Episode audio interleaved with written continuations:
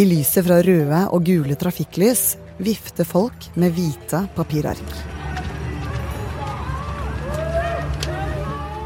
Arkene har ingen ord, men budskapet er like tydelig som det de roper. Vi vil ha frihet. Det som skjer i Kina nå, har ikke skjedd på over 30 år. Og det betyr trøbbel for Kinas øverste leder. Du hører på Forklart. Jeg heter Synne Søhol, og i dag er det tirsdag 29. november. Det som skjer i Kina nå, det er veldig, veldig uvanlig. Altså Det at folk reiser seg opp på den måten, at de trekker ut i gatene og roper slagord og viser med all tydelighet hvor sinte de er på lokale myndigheter og på sentrale myndigheter, det er noe vi ikke har sett på, på kjempelenge. Altså Vi har faktisk ikke sett det siden 1989. Og hvis det er ett bilde du har sett fra hva som skjedde i Kina i 1989, så er det av en mann i hvit skjorte som står alene foran fire store tanks på en motorvei. Og Kristoffer Rønneberg er journalist i Aftenposten, har vært Asia-korrespondent flere ganger, og bl.a. vært i Beijing, hvor dette bildet ble tatt. Dette bildet av mannen og panservognene i Beijing i, eh, i juni 1989 er, For det første så er den jo et sånn universelt symbol på enkeltindividets kamp mot, eh, mot overmakten.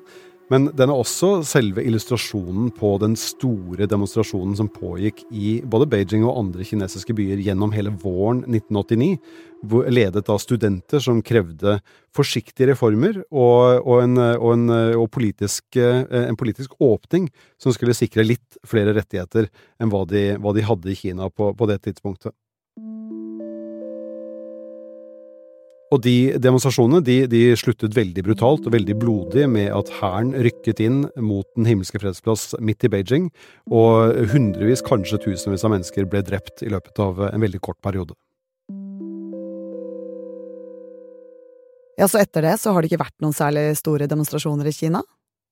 Kina er et veldig strengt autoritært regime hvor motstand mot eh, de som sitter med makten, ikke blir tolerert. Så alle tilløp til det, og spesielt det at folk går ut i gatene, det er blitt slått veldig hardt ned på i, i Kina nå i, i mange tiår. Og vi har sett spesielt de siste årene med Xi Jinping ved makten at landet har gått i mer totalitær retning. At det har blitt enda vanskeligere å ytre seg i sosiale medier og, og kunne si noe annet enn hva partiets offisielle linje måtte være til enhver tid. Så det betyr mye mer sensur. Det betyr at uh, folk blir presset til å holde sine meninger for seg selv, og dermed så har vi ikke visst i noe særlig grad hvor sinte kineserne faktisk har vært over den utviklingen som har vært i landet de siste årene. Men noen tegn har kommet underveis. Og det første kom for snart tre år siden, da en mann prøvde å advare folk om et virus. Vi kan trekke en linje tilbake som tar oss omtrent til februar 2020. Da døde en mann i Wuhan ved navn Li Wenliang. Og han var lege, og grunnen til at uh, vi trekker linjen tilbake til ham, det var at han var legen, en av de første som oppdaget dette nye viruset som hadde oppstått i Wuhan noen måneder tidligere. Og Han forsøkte å varsle om det, men da han gjorde det, så fikk han beskjed fra lokalpoliti om at det måtte han slutte å gjøre. Han ble rett og slett truet til, til taushet. Og så døde han selv av dette koronaviruset i februar 2020. Og da var det noe som våknet i det kinesiske folk på nett. Altså Mange begynte å legge ut bilder av lys, de begynte å legge ut bilder av Li Wenliang, og, og, og minnes hans, um, hans historie og det at han forsøkte å fortelle om dette viruset. Og dette ble veldig veldig stort. Det ble en helt klar trussel mot, uh, mot, sentrale myndigheter i Beijing, fordi ved å minnes ham, så fortalte man samtidig at man var kritisk til myndighetene. Eh, så det varte et par dager, og så ble alt sammen sensurert, og da var det som om det aldri hadde skjedd. Men hvordan kan hans død være starten på det opprøret vi ser nå? Jo, for selv om det ble sensurert, så har jo dette raseriet fortsatt eksistert. Det, det, ligger jo der latent i befolkningen og har på en måte ventet på å blusse opp. Eh, og så så vi at eh, etter at den første bølgen av koronasmitte døde ut i, i Kina på vårparten 2020, så selv om landet var isolert, så kunne folk stort sett leve som normalt, og, og det var ikke så veldig mye smitte. Og dermed så var det heller ikke så mye raseri knyttet til smitten. Men idet omikron slo til i Kina på vårparten i år, så var det noe som skjedde. Da så vi spesielt i eh, storbyen Shanghai, altså Kinas største by, hvor hele byen ble stengt ned på kort varsel, så kort varsel at folk ikke rakk å hamstre mat engang, og så var de stengt inne i leilighetene sine i to måneder. Og det i en by som Shanghai, stor middelklassebefolkning, folk som har eh, en god kunnskap om hva som skjer i verden utenfor, og som har klare forventninger til hvordan de skal leve livene sine. Eh, det at de måtte være innestengt så lenge, det skapte enormt raseri. Og det så vi på videoer fra Shanghai. Folk som skrek ut i nattemørket fra leilighetene sine. Og folk som begynte å protestere ganske høylytt også i sosiale medier.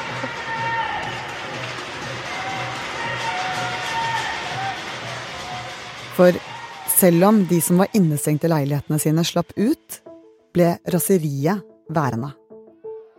Og det er det vi ser i gatene nå.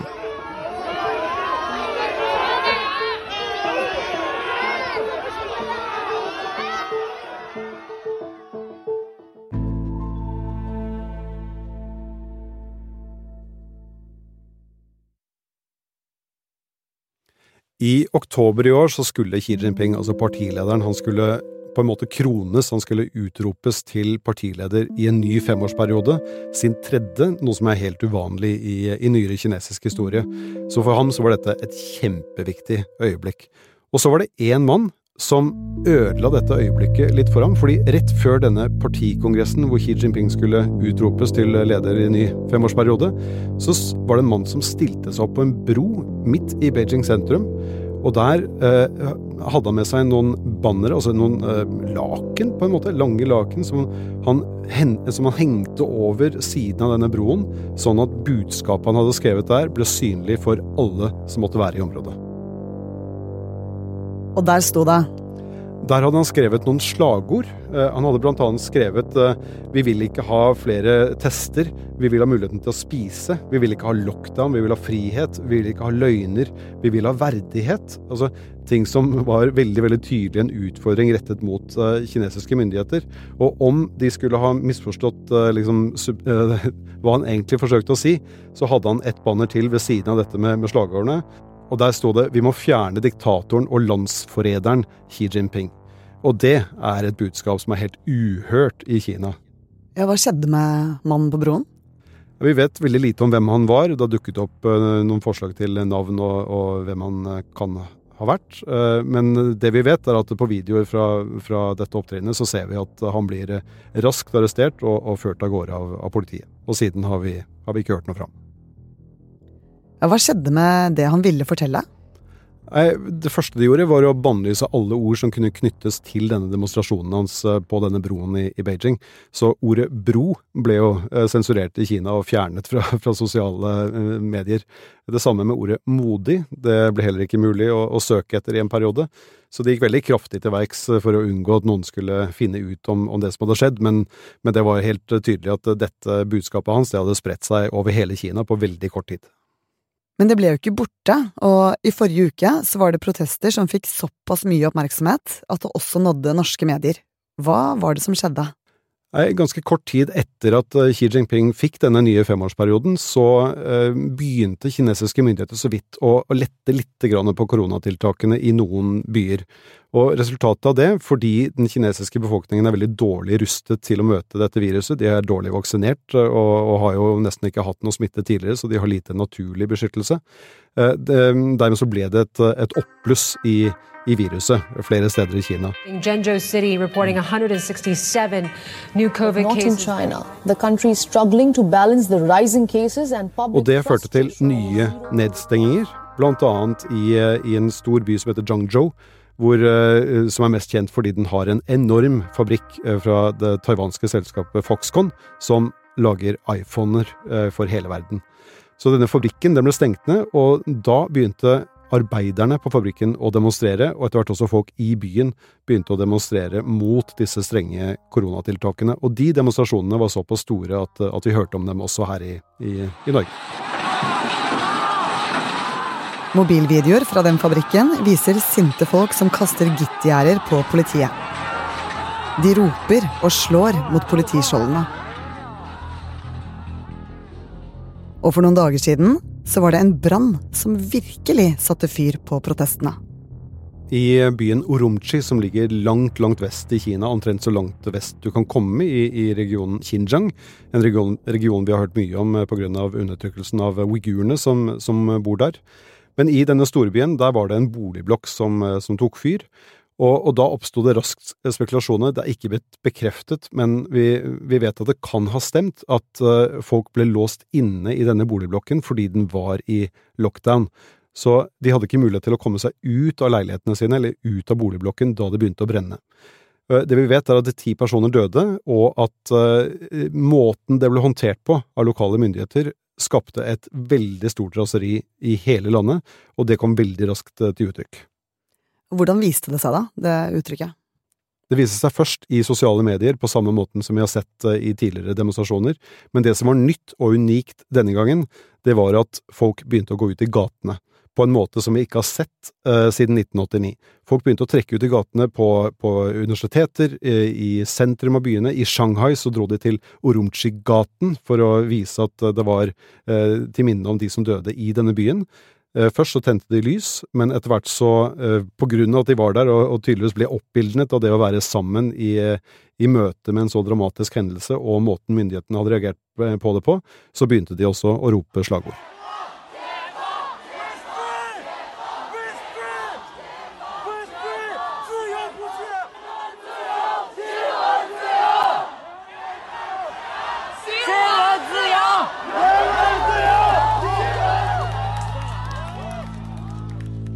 Hva var det de ropte? Noen av dem begynte å rope disse slagordene som vi så denne mannen i Beijing henge opp fra broen i oktober. Så det var tydelig at uh, der hadde ikke sensuren fungert skikkelig, fordi de slagordene de husket folk. Og så, enda mer spektakulært, uh, begynte folk å rope slagord mot kommunistpartiet og mot Xi Jinping. Så de sto der, altså hundrevis av mennesker, og ropte i takt ned med Xi Jinping, ned med kommunistpartiet. Og det er en kjempeoverraskelse å se at det kinesiske folket reagerer sånn, eh, for det har vi ikke sett, eh, vi ikke sett maken til siden 1989.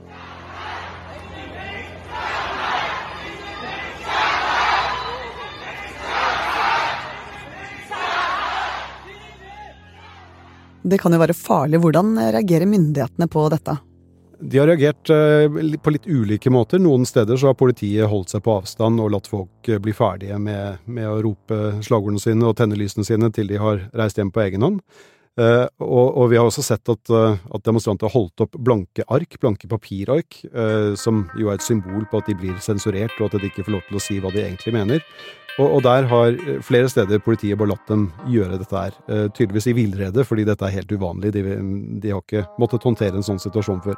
Andre steder har vi sett tilløp til, til, vold, og vi vet at blant annet i Shanghai så er det flere som har blitt arrestert. Det var til og med også en, en BBC-journalist som, som, ble ganske brutalt uh, arrestert uh, nå, nå, i helgen. Han ble senere løslatt.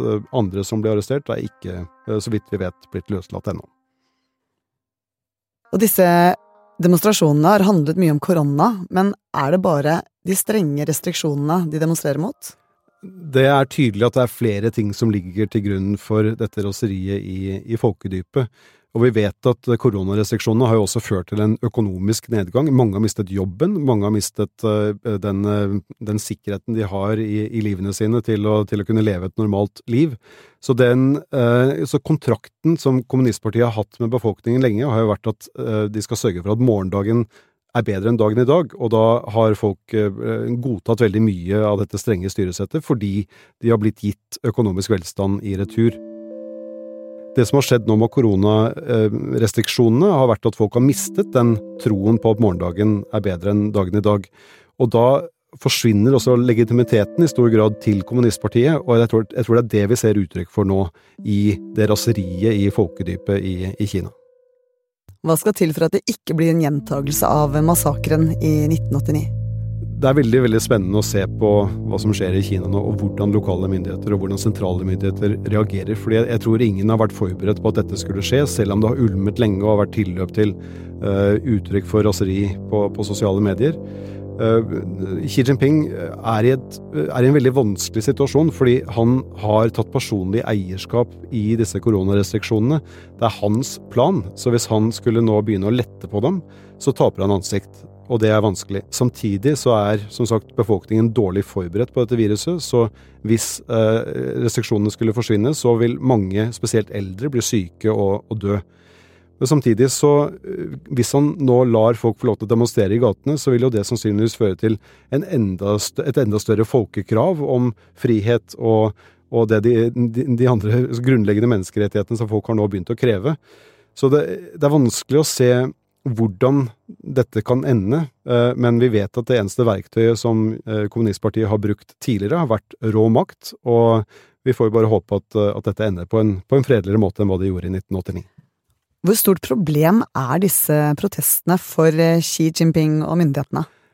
Det er for så vidt ikke helt uvanlig at folk demonstrerer i, i Kina, men Nesten alltid så har det handlet om lokale ting. Det har vært eh, bønder som har vært sinte fordi de har mistet landjorden sin, eller ting som har skjedd liksom på et helt lokalt nivå.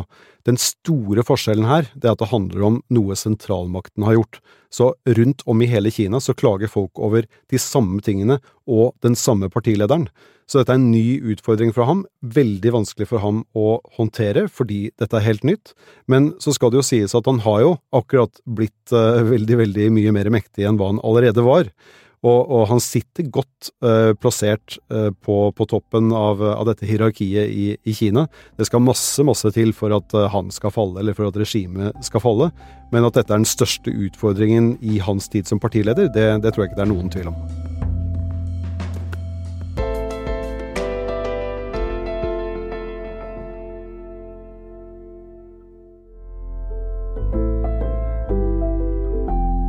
Du har hørt en podkast fra Aftenposten. Det var Kristoffer Rønneberg som fortalte om protestene i Kina. Denne episoden er laget av Anne Lindholm og meg, Synne Søhol.